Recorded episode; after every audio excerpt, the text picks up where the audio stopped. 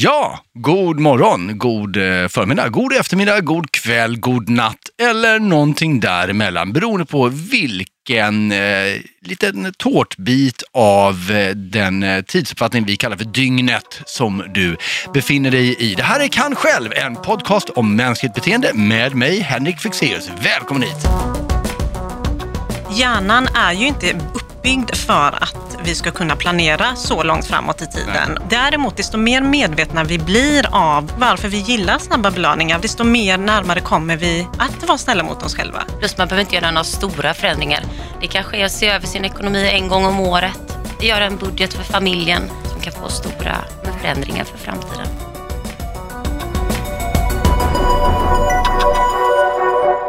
Det här är ju en podcast som är tänkt att eh, handla om eh, saker som rör sig i huvudet på dig och på mig och som gör att vi agerar på sätt som vi, eh, på de sätt vi gör. Och eh, ibland så kan det vara bra att korrigera det här agerandet för att kunna göra lite mer av det som är roligt och lite mindre av det som är mindre roligt.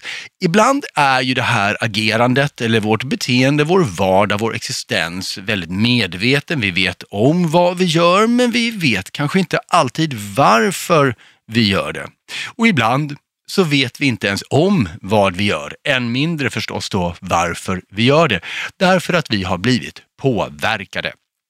Och det här med påverkan är ju någonting som jag tycker om att prata om och eh, skriva om. Därför att varför vi har så lätt för att bli påverkade, det har vi nämligen, är för att de mekanismer som påverkar oss är ungefär samma mekanismer som vi också många gånger använder oss av när vi kommunicerar med varandra. Så att, och all kommunikation är egentligen en form av påverkan. Jag menar, om jag säger någonting till dig som jag vill att du ska eh, tro på eller bli övertygad om eller bara förstå eller gå med på, då, då försöker jag ju jag påverkar dig bara genom att prata med dig. Eh, men påverkan kan ju vara betydligt mer riktad än så. Vi har kommit in på det tidigare, några avsnitt i den här podcasten om hur man kan använda ord till exempel, olika strategier för att eh, påverka en eller flera människor. Och idag så tänkte jag att vi skulle prata om en väldigt specifik form av, eh, av påverkan, eh, eller, eller, en vinkling på det kanske vi kan säga, som, som kan påverka ditt liv väldigt mycket och eh, kanske mer och mer om vissa personer får som de vill just nu. Och frågan är också om du kan använda det här till att påverka dig själv på ett bra sätt. Och det jag pratar om är eh, jag skulle kunna rubricera det som godhjärtad påverkan helt enkelt, men som också kommer lite, eller mycket utifrån eller uppifrån, beroende på hur man väljer att se på samhället. Um, och innan jag kommer in på att förklara vad jag menar med det här med godhjärtad påverkan, så för tio år sedan skrev jag en bok som hette När du gör som jag vill, en bok om just påverkan. Och i den boken, och även förut senare i en annan bok jag skrev som heter Konsten att få mentala superkrafter, så försökte jag förklara hur våra åsikter, värderingar och handlingar blir just påverkade av sånt som vi inte tänker på.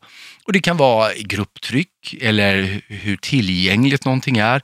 Ett geografiskt avstånd kan påverka oss väldigt mycket. Eller känsloassocierat språkbruk, vilka ord vi använder, vilka, hur eh, stor komplexitet en valsituation innebär eh, och gott om andra psykologiska mekanismer som har det gemensamt att man flitigt utnyttjar dem i just de branscher som vill få oss att tycka eller tänka eller kanske köpa någonting.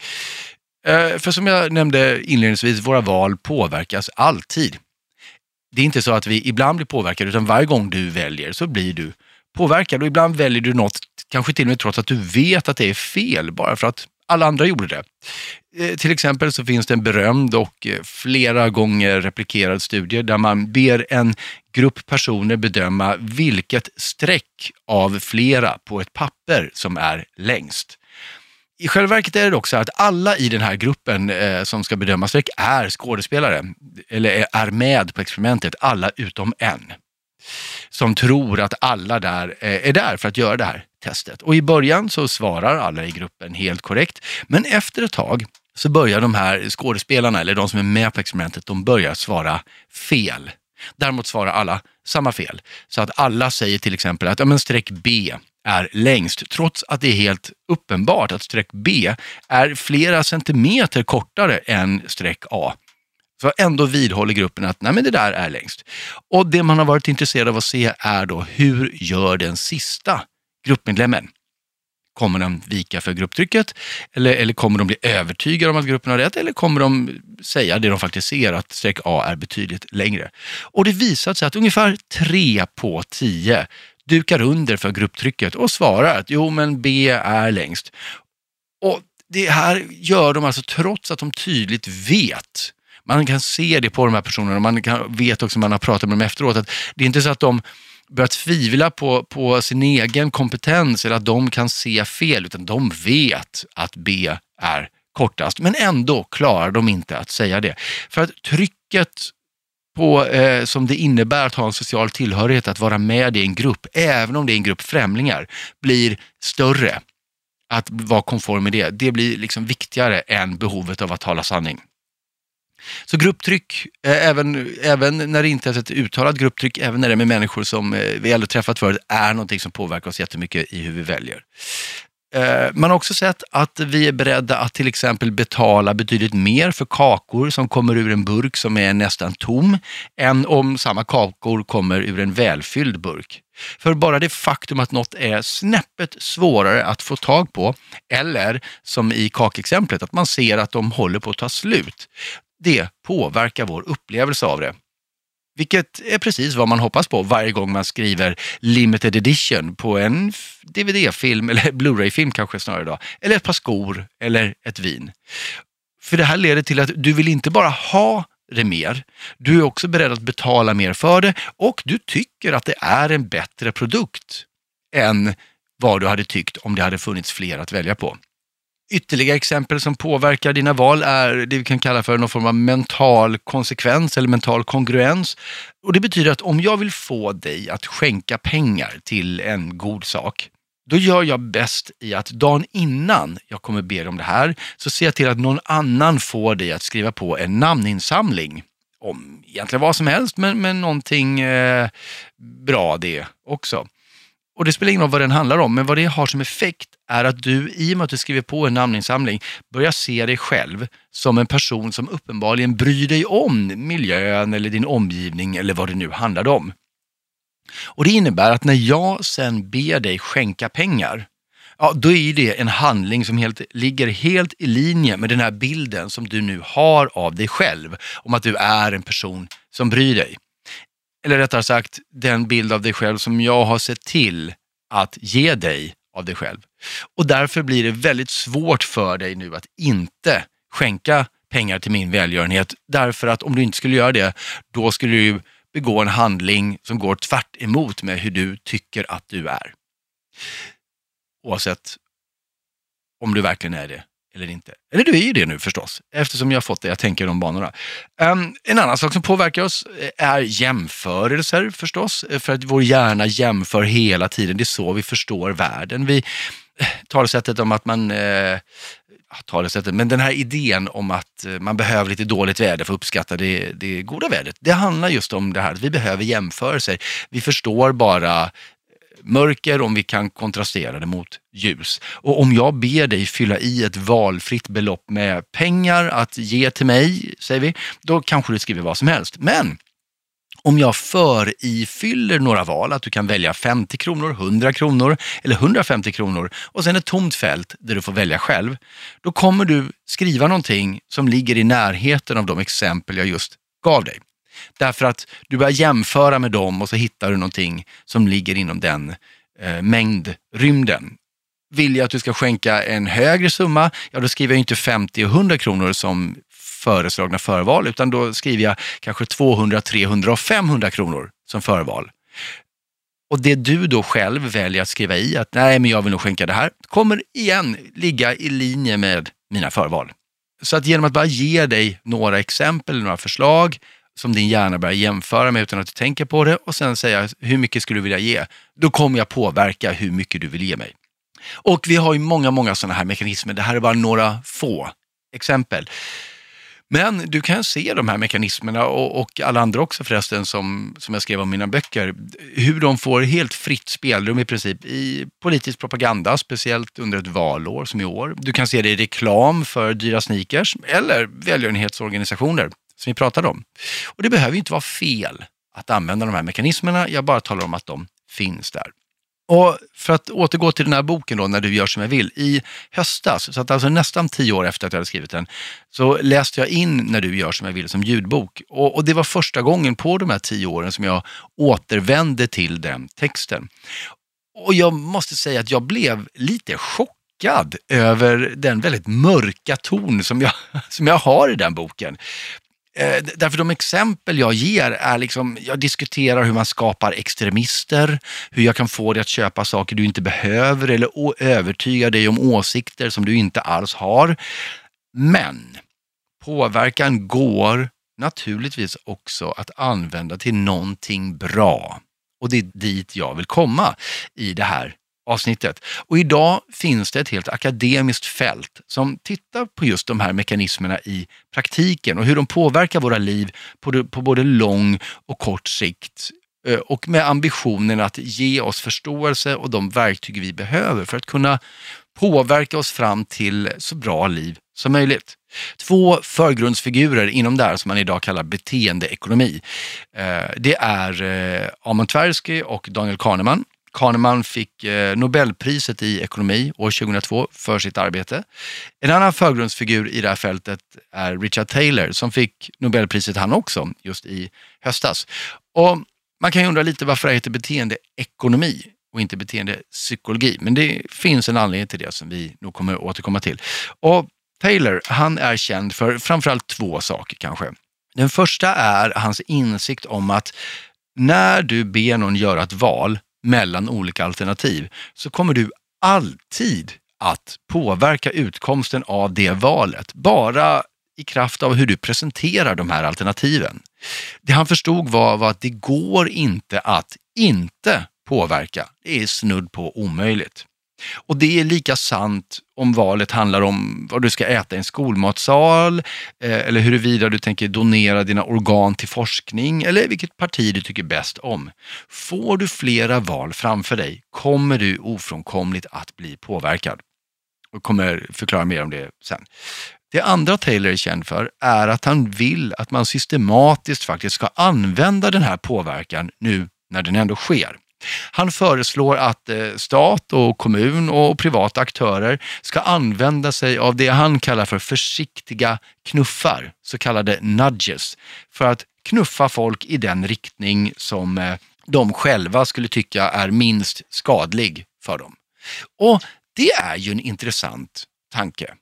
Nu kanske du tycker att det här låter ju som en inkörsport till en stat med alldeles för mycket makt som liksom omedvetet påverkar, eller ägnar sig åt omedveten påverkan av sina medborgare för att styra dem åt något specifikt håll. Men, men då måste du komma ihåg att Taylors insikt var ju att staten och alla andra alltid ändå påverkar sina medborgare. Och om det inte går att undvika, ja då kanske den påverkan kan se till att användas till positiva värden. Till exempel till att få folk att äta hälsosamt istället för ohälsosamt, att spara energi istället för att slösa den eller fatta beslut som eh, människor senare kommer vara glada att de fattade. Med förbehållet, och det här är viktigt förstås, att det här är val som medborgaren eller personen själv anser vara goda val. Och allting hänger på just den subjektiva värderingen. Jag menar, om någon gärna vill äta frityr dygnet runt, då ska den personen få göra det. De ska inte tvingas in i någon annan kostregim för att någon utifrån tycker att det vore ju bra. Och med de två säkerhetsbältena, att de här försiktiga knuffarna alltid ska gå i en positiv riktning som ska definieras av den som blir knuffad, samt att den här knuffen ändå alltid kommer att ske, ja då kanske den här tanken att ta medveten kontroll över den här påverkan, den kanske inte är så tokig. Och faktum är att eh, Taylor får medhåll. I flera länder, bland annat Sverige, finns idag tillsatta grupper som ägnar sig just åt det här. Att titta på hur medborgarna väljer och hur man kan hjälpa dem att göra goda val. Och mekanismerna för det här är ibland mycket mer subtila än, eh, än vad man kan tro och mycket mer subtila än de jag pratat om tidigare som i sig kanske verkade ganska diskreta. Men bara en sån här sak som fascinerar mig något oerhört. Taylor insåg styrkan i eh, det förvalda läget kan vi kalla det för. För när du köper en telefon eller när du ska äta lunch så finns det ju alltid ett eller några förvalda alternativ. Din telefon har en viss ringsignal första gången du startar den, den har en viss storlek på ikonerna och så vidare. Och lunchmatsalen har många gånger en eller kanske två rätter som är dagens rätt. Och sen finns det ju förstås annan mat du kan välja också. Eh, och det är lätt att ändra den där ringsignalen.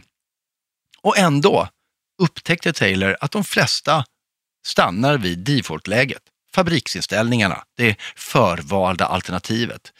Och orsaken till att vi gör det är sannolikt en ganska kraftfull kombination av lathet, att man inte orkar lägga energi på något som inte betyder jättemycket för en och tanken att ja, men någon har ju valt det här åt mig och den personen hade säkert en bra anledning till att det skulle vara den här ringsignalen.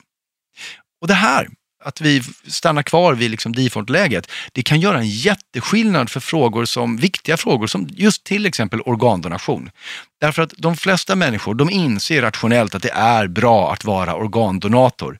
Men samtidigt så kan man ha känslomässiga eller för all del religiösa skäl mot att vara det. Men det kanske inte är hela sanningen, att det är därför man inte är organdonator. Därför att ett av valen att donera din organ eller att inte donera din organ kommer ju att vara default-läget. Och kanske är det just det som det hänger mer på. I en väldigt intressant undersökning så fann man att när folk aktivt behövde välja att bli organdonatorer, då valde 42 procent av testgruppen att göra det. Men när det var default-läge att vara organdonator och man var tvungen att aktivt inte vara det, ja då fortsatte 82 procent att vara donatorer. Valet att bli av med sina organ efter döden hängde med andra ord inte så mycket på en personlig övertygelse som det gjorde på vad som var lättast att göra utan att behöva göra något. Ett annat exempel skulle kunna vara faktiskt Svenska kyrkan som man, eh, jag vet inte hur det är idag, men åtminstone på min tid så föddes man in i Svenska kyrkan. Man var tvungen att gå ur den om man inte ville vara med. Och jag tror att Svenska kyrkan har betydligt fler medlemmar än vad de annars hade haft om det hade varit tvärtom, att man var tvungen att eh, söka sig in till Svenska kyrkan av just den här anledningen. Svenska kyrkan var default-läget och så länge det inte påverkar oss allt för negativt i vår vardag så stannar vi där oavsett om vi känner att vi vill vara med i kyrkan eller inte. För något av valen är ju som sagt alltid grundläget. Och att sätta organdonation som det förvalda alternativet, det är just vad eh, Taylor skulle kalla för en lätt knuff i rätt riktning. En annan knuff i, i linje med det här jag nämnde om mental eh, konsekvens är att vi vill ju agera utifrån hur vi ser oss själva. Och därför så räcker det med, har det visat sig, att bara fråga folk om de kommer äta ohälsosam mat nästa vecka. För bara genom att få den frågan så visar det sig att vi äter mindre ohälsosam mat än vad vi annars gör. Eftersom den leder till att vi börjar fundera på våra egna matvanor och självklart inte vill vara någon som med flit äter ohälsosamt. Frågan är ju om det måste till liksom stat och landsting för att få oss i rätt riktning. Frågan är om vi kanske kan knuffa oss själva till att tänka bättre och också fatta bättre beslut. Och några som brinner för att vi ska bli bättre, rationella människor inom också ett väldigt specifikt område, men ett viktigt sådant i våra liv, det är dagens gäster i Kan själv. Shoka Orman och eh, Frida Träskov, välkomna hit! Tusen tack! Tack. Um, hörni, ni är kanske inte ännu så välkända för alla i Sverige, även om ni strax kommer att uh, bli det i, i höst. Men, men Shoka, du är beteendeekonom. Ja, det är det din formella titel, får man säga så? Ja, det är väl inte min formella titel, men absolut, det är det, där mitt hjärta finns och det Ja. jag brinner för och vill förmedla vidare. Eh, Och du arbetar idag på bank med rådgivning åt kunder som eh, har inte den minsta plånboken kanske? Precis, det stämmer. Eh, Och du skriver artiklar, börshajen.nu. Precis. Så där, har man sett dig innan så kanske det är där, om man inte har fått en personlig rådgivning. Precis, om man inte har fått möjligheten att sitta med mig i privatmöte. Och Frida, du är jurist, Stämmer bra det. delägare i en advokatbyrå. Mm. Och ni två har ju tillsammans skrivit en bok. Som kommer i höst eh, som heter Medveten ekonomi. Är det, är det första gången som den här boken nämns i media? Har vi en liten premiär Ja, här? detta eller? är en premiär. Vi har jag säga. nyligen satt titeln, vilket har varit svårt att säga. Eh, Eller sätta. Alltså, ni, ni, har, ni har precis bestämt titeln nu. Ja, det har vi gjort. Ja, Så att, och, och hela titeln, jag sa bara medveten ekonomi, men hela titeln är ju medveten ekonomi, vägen till ett rikare liv. Precis. Och då tänker jag ju direkt, eftersom Shoka, du jobbar med pengar, rikare liv, måste vi liksom, och det här beteendeekonomi, handlar det bara om pengar? Ska vi bli rationella för att vi ska få stora plånböcker, eller vad, vad är grejen? Eh, Det som, handlar, det som vi pratar om när vi pratar rationalitet och i det här fallet när vi pratar om titeln rikare liv är definitivt inte enbart rikare liv i pengar utan rikare liv får du ju när du har mer tid till sånt som är viktiga i livet. Eh, och det får du om du tar mer rationella, bättre ekonomiska beslut. Så det här är inte en ekonomibok alltså? Nej, det är ingen ren ekonomibok. Det är en ekonomibok och eh, en juridikbok, men grunden i detta är en beteendeförändring hos de läsare som kommer att ta till sig boken för att må bättre, både just i sin ekonomiska situation och sin privatliv. Men är, är det så, måste vi, vi behöver förändra vårt beteende alltså? Va, Ja. va, vad, är, vad, är det, vad, vad är det vi gör som är sämst då? Eller vad, vad har ni sett är liksom den största, så här, oh, tänk om folk bara kunde skärpa till sig när det gällde det här? Men mycket är väl det som vi har diskuterat, att man går på vanor. Ja. Att vanans makt är så stort. Och, och vad, vad kan det få för konsekvenser? Jag kan ju tycka att det är ganska skönt ibland att gå på vanor, men det kanske är dumt. Nej men fast vanor är bra och det är det vi vill skapa. Vi vill vill skapa skapa bra vanor. bra vanor. Eh, vanor som också sitter i ryggmärgen som gör att trots att vi idag då lever så stressade liv som vi gör, trots att vi erbjuds nya saker, nya intryck dagligen från olika håll, att vi fortfarande ska kunna ha vanor som är så pass bra och sitter så pass bra att vi per automatik agerar på det. Eh, så att det är vanor, ja, det kan finnas dåliga men vi vill skapa bättre. Ja, och desto mer medvetna vi blir om vilka våra sämre vanor är, desto större chans att vi kan ändra på det. Och det här med uppskjuta beteendet, att man är alltid mycket bättre i framtiden. Men då är jag vegan och då tränar Ja, jag, då just har jag en miljon på banken. Och det fortsätter ju i hela livet. Jag eh, hörde för en tid sedan att, att eh, man har tittat på, men just det här, när jag blir pensionär, då ska jag göra alla, alla de här grejerna. Och så har man insett att, att eh, de enda som faktiskt gör de grejerna när de är pensionärer, det är de som började innan. Precis. För väntar man tills man blir pensionär, då, då gör man det inte längre, utan man behöver ha momentumet där. Eh, är det så? Är vi, är vi liksom, skjuter vi upp? Jag kan också tänka så här att ibland kan det vara skönt att skjuta upp grejer, men vad, vad är faran då? Faran med att skjuta upp är ju det här dåliga samvetet som många lider av. Det är där någonstans vi fick, du utifrån de klienter du möter, jag utifrån de personer jag möter, både privat men också i mitt arbete. Faran med att skjuta upp är det här extremt dåliga samvetet som konstant följer och tar energi. Ibland är det mindre tidskrävande och energikrävande att faktiskt agera på det du vill istället för att lägga den tid och energin på att må dåligt över att du har skjutit upp någonting. Så att där är ju faran och därav där vi pratar om ett rikare liv. Det är återigen i att man mår bättre som person om man blir medveten om vad man kan förändra. nu missförstå mig rätt här nu, den, den här frågan kanske verkar lite korkad, men, men jag tänker på ni i egenskaper av, av jurister och ekonomer. Varför, varför tycker ni att det är viktigt att vi mår bättre? Hur, vad har det för liksom återspegling på de, de världar ni rör? Jag kan ju säga att det är bra att må bra för att man mår bra, men jag vet inte hur min ekonomi eller mitt, min juridiska tillvaro förändras av det.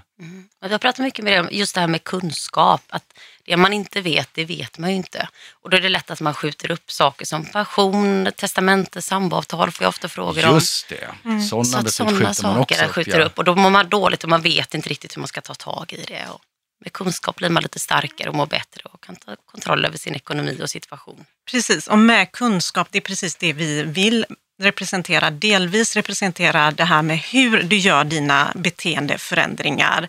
Och därefter när vi har byggt upp den delen så presenterar jag den ekonomiska delen och Frida den juridiska delen. Så att man kan göra så medvetna val som möjligt. För att gör du medvetna val, har du kunskapen och informationen så kan du ta beslut som du sen inte kan skylla på någon annan och som du vet, men det här gjorde jag utifrån den här kunskapen. Har du inte kunskap så kan du inte ens ta rätt beslut eller medvetna, göra medvetna val. Det Men var det jag syftade på inledningsvis, att det inte bara är en helt vanlig ekonomibok som jag ser ut, utan den är så mycket vidare än så och omfattar så mycket mer. Just det. För att, och det här det är någonting som jag lovade vår, vår kära lyssnare att förklara varför man pratar om beteendeekonomi. Vad, vad ordet ekonomi ligger här när det egentligen inte handlar om pengar. Kan, kan du förtydliga det, Shaka? Det- handlar om att egentligen allt vi gör är ju känslostyrt. Vi är människor i grund och botten och tidigare har man ju separerat på de delarna helt och hållet. Vi har pratat om ekonomi som någonting helt bortom egentligen människan. Och det man vet idag och det som egentligen har ändrat synen på människan och de ekonomiska beslut vi tar är att det är sammankopplat. Våra känslor, precis som i alla andra sammanhang, styr också de ekonomiska beslut vi tar. Så att det är där egentligen som vi sammankopplar ekonomin och beteendeförändringarna. För det här med ekonomi, det är, jag tänker så här att det är ju någonting ganska abstrakt för väldigt många människor. Och där kanske också finns ett problem. I, ja, men till exempel det här med att skjuta upp som du pratade om Frida. Jag gjorde ett helt poddavsnitt som bara handlade om att skjuta upp saker tillsammans med Stefan Sauk. Och, men där var det ju väldigt konkreta saker, det här som jag har en deadline för och så vidare. Alltså tydliga saker. Nu pratar vi om, om pensionssparande eller testamente. Jag tänker att det är väldigt, väldigt abstrakt för många människor. Man vet på ett ungefär vad det är, men det är ingenting som har om jag missar en deadline, det, det kan få en väldigt konkret påverkan i mitt liv för att jag får ett argt telefonsamtal eller någon undrar var är grejen du skulle bygga.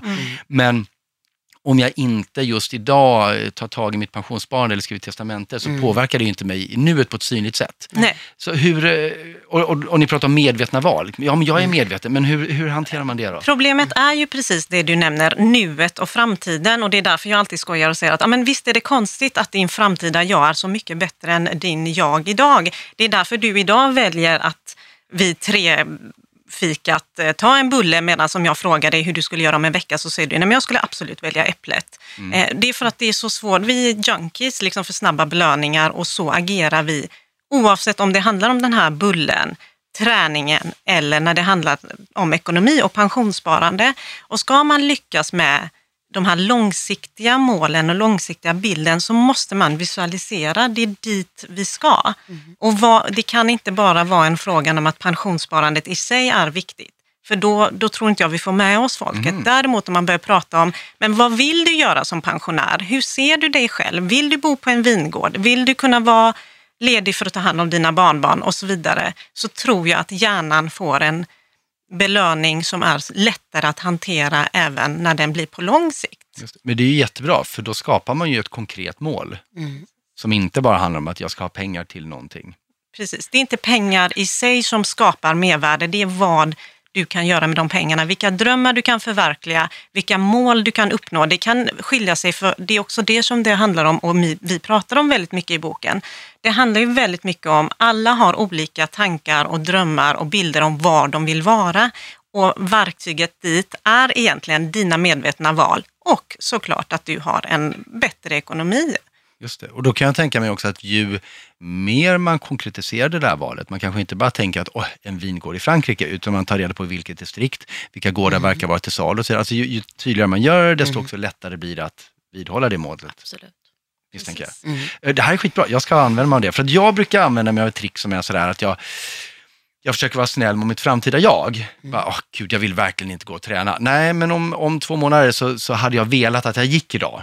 Så, så liksom, jag börjar, men problemet med det är att jag, har börjat tycka väldigt illa om mitt framtida jag, för det verkar vara en väldigt så här, förnumstig jävel som har En ganska tråkigt konkurrerande du. ett konkurrerande jag som bara, ja men nej, varför ska jag tillgodose honom? Men eh, det är förstås mycket bättre att flytta bort mig själv ur den ekvationen och, och ha ett, ett mål istället vid sidan av det. Jo, men och det är också det här som du säger, vi ska vara snälla mot oss själva. Det är inte lätt och det är precis det som beteendeekonomin delvis handlar om. Att hjärnan är ju inte uppbyggd för att vi ska kunna planera så långt framåt i tiden och kunna handskas med pengar och hantera de frågor som vi ställs för dagligen. Däremot, desto mer medvetna vi blir av hur det funkar och varför vi fa- faller dit och varför vi gillar snabba belöningar, varför vi mm, inte gillar vissa saker, desto mer närmare kommer vi att vara snälla mot oss själva.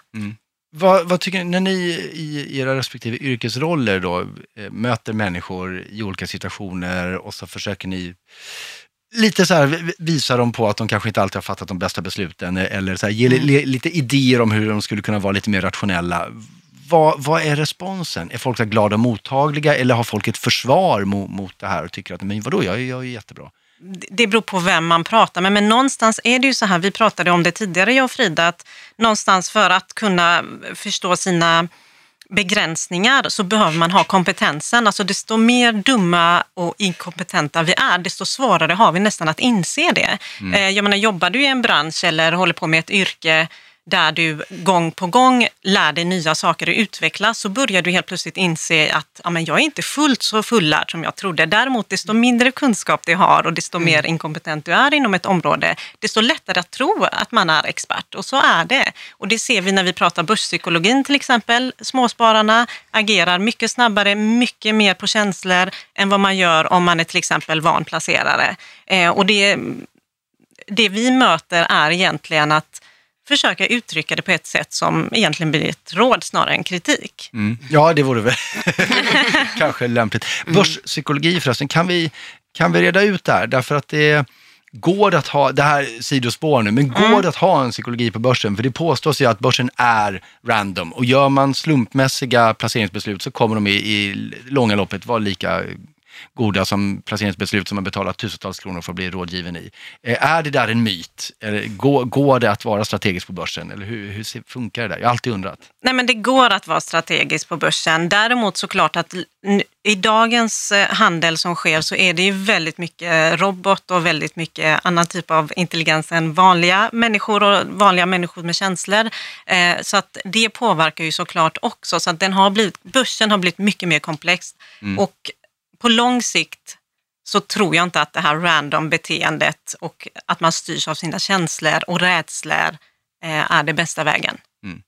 Vad är, vad är största fällan vi, vi trillar ner i då? Eller största misstaget vi gör? Är det det här att vi inte har tillräckligt med kunskap? Eller? Tycker jag absolut att det är. Om jag får koppla tillbaka till den frågan du precis frågade, hur många reagerar när de Ja. kommer, så upplever jag det som att många tycker att åh vad skönt, äntligen får jag hjälp med det här. Och det var inte så svårt ändå som jag trodde, som, men många kanske har skjutit upp under flera år. Och när man väl sen får kunskapen, och det är det som vi har velat förmedla också mycket, oavsett om det gäller pension eller vad som händer när man blir sambo eller sådär. Så att, eh, jag upplever som att många är väldigt tacksamma och tycker att det är väldigt skönt. Mm. Och att många upplever, eller tror att det är mycket svårare än vad det egentligen är. Just det.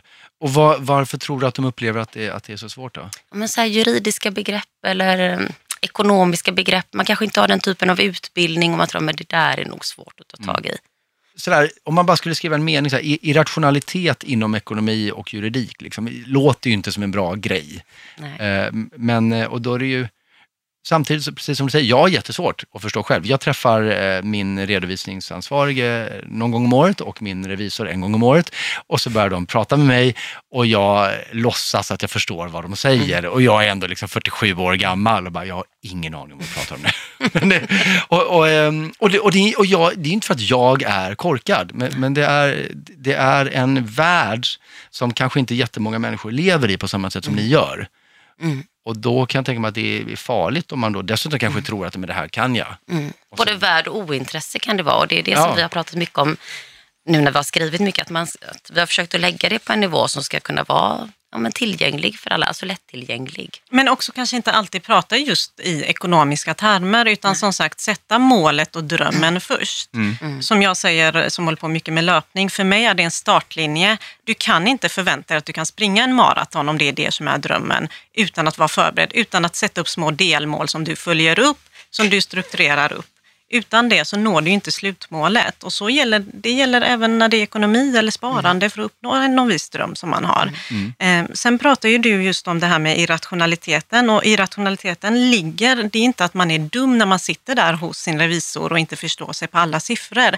Hjärnan har svårt att tolka vissa saker och vi kan missbedöma saker och ting beroende på hur man framställer en fråga eller val. Så att det är som sagt, det är därför jag tycker att man ska vara snäll mot sig själv för att det är inte så enkelt som det låter alltid. Och såklart, precis som du säger, för oss som jobbar med detta dagligen så låter det som att det är enkelt, men det är det inte. Plus man behöver inte göra några stora förändringar. Det kanske är att se över sin ekonomi en gång om året, göra en budget för familjen som kan få stora förändringar för framtiden. Baserat på då konkreta mål och, och kunskap. Mm. Det är bra. Mm, det är bra. Jag sa att jag är 47, det är jag inte alls, jag är 46. Det är, sen jag fyllde 30 så har jag alltid lagt på ett år på min ålder. Det är väl härligt. De flesta drar av vad du lägger på. Ja, jag vet. Det, jag så förbereder mig för att snart är jag så här gammal, herregud. Finns, finns det någonting annat jag tänker på, eh, på eh, den som nu lyssnar på oss här och, och som inser att oj, det här har jag aldrig tänkt på förut. Jag har kanske förstått att jag är irrationell ibland eller att mina val styrs av saker som jag inte har tänkt på. Uh, och, och då kan det här vara väldigt, väldigt mycket att ta till sig. Ni har gett några väldigt konkreta praktiska råd. Fin, finns det andra? Har ni några fler? Så här, det här, börja här. Vi har pratat om kunskap, vi har pratat om eh, konkreta mål, eller visualisera dem och bryta ner delmål. Fin- Finns det någon mer sådär jättegrej som ni ser att den här... Men kanske också att man blir medveten om att man fakt- faktiskt är irrationell många gånger. Mm. Som vi pratade också, man kan gå och ta en AV och klaga på att ölen är dyr, men sen kan man vara samtidigt vara med på en budgivning och höja 50-100 000 Just på någon det. timme och så har man klagat på de där 10 kronorna, men då har de höjt ölen. Att man är helt irrationell, så att man blir medveten om det. Absolut, och sen är det ju också någonstans, någonstans så här att inom beteendeekonomin så pratar man ju om ett ämne som heter nudging.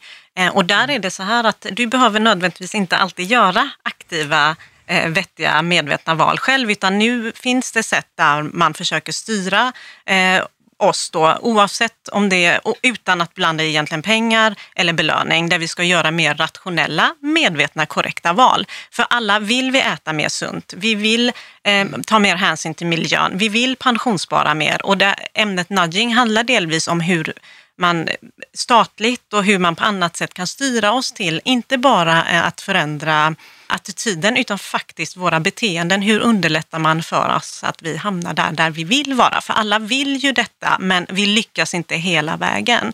Så att ämnet nudging tror jag vi kommer höra mycket mer om framöver och jag tror att det är ett sätt att få hjälp och komma dit här vi vill, oavsett om det är som sagt ett miljötänk eller om det handlar om pensionssparande. Jag håller med dig. Eh, Det problemet jag ser, och jag har inte riktigt hittat något bra svar på det här, det, det är ju att det kan ju vara väldigt svårt att veta vad folk faktiskt vill. För det bygger ju på att man, att man åtminstone gör det som är minst skadligt eller det som någon tycker är bra för dem själva. Och det säger, ja men alla vill äta hälsosamt. Ja, fast kanske inte alla. Och den som inte vill det ska ju då inte behöva bli tvingad till det. Och det här med att veta vad folk egentligen vill, det är ju en av de svåraste sakerna som finns. För oftast vet vi inte det själva. Vilket är vårt grundläggande, eller vilket behov försöker vi uppfylla när vi utför vissa saker. Så jag ser att där finns ett, eh, där behöver man liksom vara försiktig, eller där finns ett problemområde som jag inte riktigt har sett eh, har, har formulerats väl ännu. Man har bara tänkt att eh, ja, men det här är val som de flesta vill göra, det är bra. Men nudging kan ju också se ut på olika sätt. De gjorde ett stort test på den här um, Schiphol, flygplatsen i Nederländerna, där de placerade en liten, liten fluga inne på urinoaren. Just det. Och det fick männen då och sikta på den här flugan och minskade urinspillet med 80 procent eller något sånt där. Det var ändå en ganska enkel och billig lösning som man gjorde. Eh, absolut, och sen tänker jag på det du sa, nudging handlar inte om att ta bort valalternativen, Nej. utan alla valalternativ står kvar. Sen är det ju som du säger, det kommer ju finnas aspekter kring det där man kanske ska titta vidare på, är detta rätt sätt? Men så, så långt och den, de experiment och forskning man har gjort kring ämnet, så är det ett väldigt enkelt sätt. Till exempel till att få folk att pensionsspara. Vad blir det enklaste sättet? Jo, att vi redan idag bestämmer att vid nästa löneökning så vill jag att du sätter av en del av det till min pension direkt. Det vet jag att man har pratat om i USA redan. Obama till exempel har ju varit en jättestor fan av nudging. Eh, och tittar man på våra grannländer, de har ju börjat använda, använda det mycket mer än vad vi gör i Sverige. Så att jag tror att det är ett ämne som, precis som du säger, kommer ha sina brister, men som i stora drag kommer att hjälpa oss till det vi vill. Jag såg i, eh, för några veckor sedan var jag och föreläste på en gymnasieskola i Ljungby. Och eh, där såg jag ett mästerligt exempel på nudging. Jag, tänkte, jag bara undrar, så här, mm, undrar om, han, om han har bara gjort det här för att det här är en smart människa eller om han har läst en bok eller två. Eh, för skolmatsalen hade fått en ny kock och den här kocken eh, ville väldigt mycket promota vegetarisk mat. Och han gjorde det här på två sätt. Det ena var att han lagade väldigt bra vegetarisk mat. Det andra var att han gjorde det vegetariska alternativet. För det är ju så det alltid har varit. Det här är maten, sen har du det vegetariska alternativet. Han gjorde det till eh, default-läget till den som var liksom, dagens mat är det här.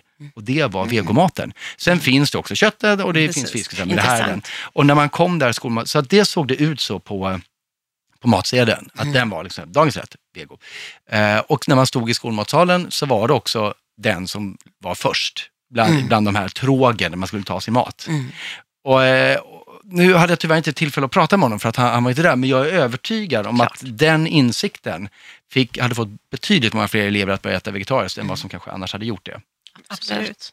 Så, eh, och precis som du säger Shoka, det är ju jätteviktigt att eh, de andra valalternativen fortfarande finns där. Mm. Alla valen finns alltid där. Men det är ju fortfarande så att vi blir lite mer påverkade av att ta det där första. Så det, Ja, ja, det är klart. Men jag tyckte det var fint. Mm. Så har de gjort i många mataffärer också, att man placerar den ekologiska mjölken i så här ögonhöjd. Just för att man vill få folk att välja den ekologiska mjölken. Just det. Men valmöjligheten finns fortfarande kvar på golvet eller lite högre upp.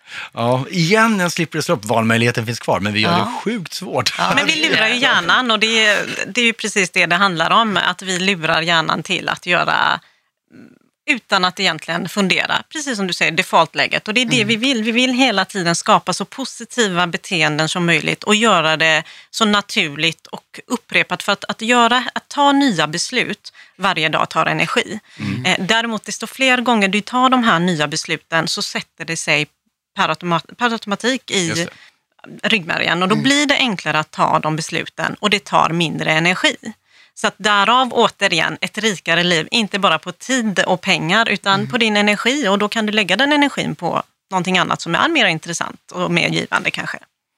Så om man nu vill eh, få er hjälp här efter att ha hört det med, med att eh, fatta de här smartare besluten, få det rikare livet och, och även ren, rent ekonomiskt också och, och, och juridiskt liksom, ha en, en bättre tillvaro. Då vill man ju läsa boken Medveten ekonomi. Så när, när kommer den då? Den kommer i sommar och kommer att finnas med på Bokmässan bland annat. Ja. Eh, Så att, ehm, läs den, för som sagt det handlar inte enbart, det är inte enbart en ekonomibok utan det är som jag säger till Frida och vi har haft som mål från start. Den lär dig egentligen hur du ska tänka rent mentalt och den visar dig på dina eh, psykologiska brister och tankefel som du har. Sen ger det dig en chans att skapa en bättre ekonomi och juridiken blir egentligen det som skyddar din ekonomi när något som du inte Ja, något oförutsett händer i ditt liv helt enkelt. Så att det är så många, det är alla aspekter man behöver ha i sitt liv. En livsbibel kan vi kalla det. Oh, opretentiöst. Opretentiöst, Ödmjukt, eller hur? Fantastiskt. Frida och Shoka, tack så jättemycket för att ni kom hit. Tusen tack för att vi fick komma. Ja, eh, som du hörde, för att kunna fatta rationella beslut om eh, din framtid och eh, också nutid så är det bra förstås att eh, ha ordentlig kunskap och bygga konkreta målbilder om eh, de besluten du inte fattar är abstrakta sådana. Så gör dem konkreta och därmed lite lättare att ta tag i. Därför att annars så kommer du att inte göra alls eller bli påverkad åt ett håll som du kanske inte alltid hade tänkt dig. Eller med lite tur så blir du påverkad av någon som nudgar dig åt ett håll som faktiskt är lite bra. Därför igen, det är ju inte nödvändigtvis dåligt att bli påverkad. Som jag, bland det första jag sa var ju att vi blir påverkade av, eller av, vi blir påverkade hela tiden. Och om dina egna intressen sammanfaller med eh, den som just vill ge dig en liten lätt knuff, eller om den personen har just ditt subjektiva bästa för ögonen, då är det ju bara att åka med. Eh, men ibland så blir du kanske också knuffad av någon som kanske inte tänkt sig för och gör åt fel håll eller inte ens vet om att de gör det. Och lösningen på det är ju, precis som Shoka och Frida var inne på, att bli medveten om hur de här sakerna fungerar och ditt agerande i dem. För även om någon vill påverka dig med flit eller inte, igen, det kommer att ske om du inte är medveten om det. För är du det, då kan du ju faktiskt ta ställning till huruvida du vill bli påverkad i en viss riktning eller inte. Det främsta vapnet kan vi säga, e- eller äh, vapen låter så hårt, för det, det låter som att påverkan alltid skulle vara negativt och jag tjatar om att det inte är det. Men, men äh, det, det främsta tekniken för att fatta egna medvetna val, det är ju att ha kunskap och bli medveten om hur de här mekanismerna fungerar och hur du fungerar. Därför att då kan du ju hela tiden välja om du vill eh, gå med på det här som eh, föreslås dig, det som kanske är satt som default-läget om du vill donera dina organ eller inte, eller göra ett annat medvetet val.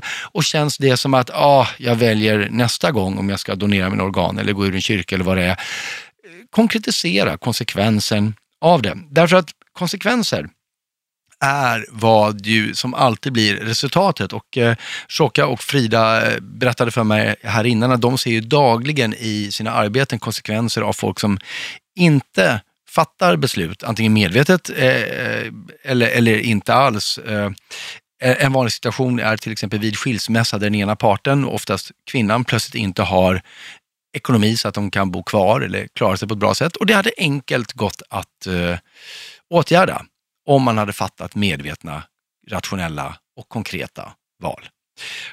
Så tills vi hörs igen, vad sägs om att, eh, att du försöker hitta exempel på påverkan, antingen eh, sådana som är skapade med flit eller inte, som du kan se runt omkring dig. Du kan också fundera på vad det finns i din tillvaro där du vet att ah, jag borde ta tag i det här, men jag orkar inte. Och fundera på om det kanske är för att det är något som är så abstrakt och det inte påverkar dig i ditt precis vardag just nu, som testament eller pensionsspar, eller vad det nu kan vara som eh, bara någonting som ett steg i rätt riktning åt ett eh, rikare liv och se om du själv kan eh, hitta en målbild som du kan konkretisera för dig som gör det här lite enklare att ta tag i.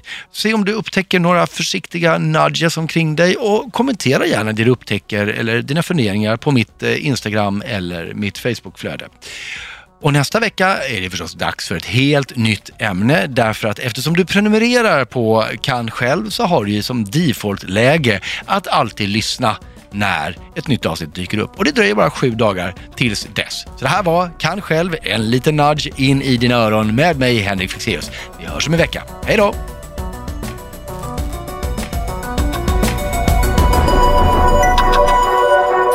Produceras av I Like Radio.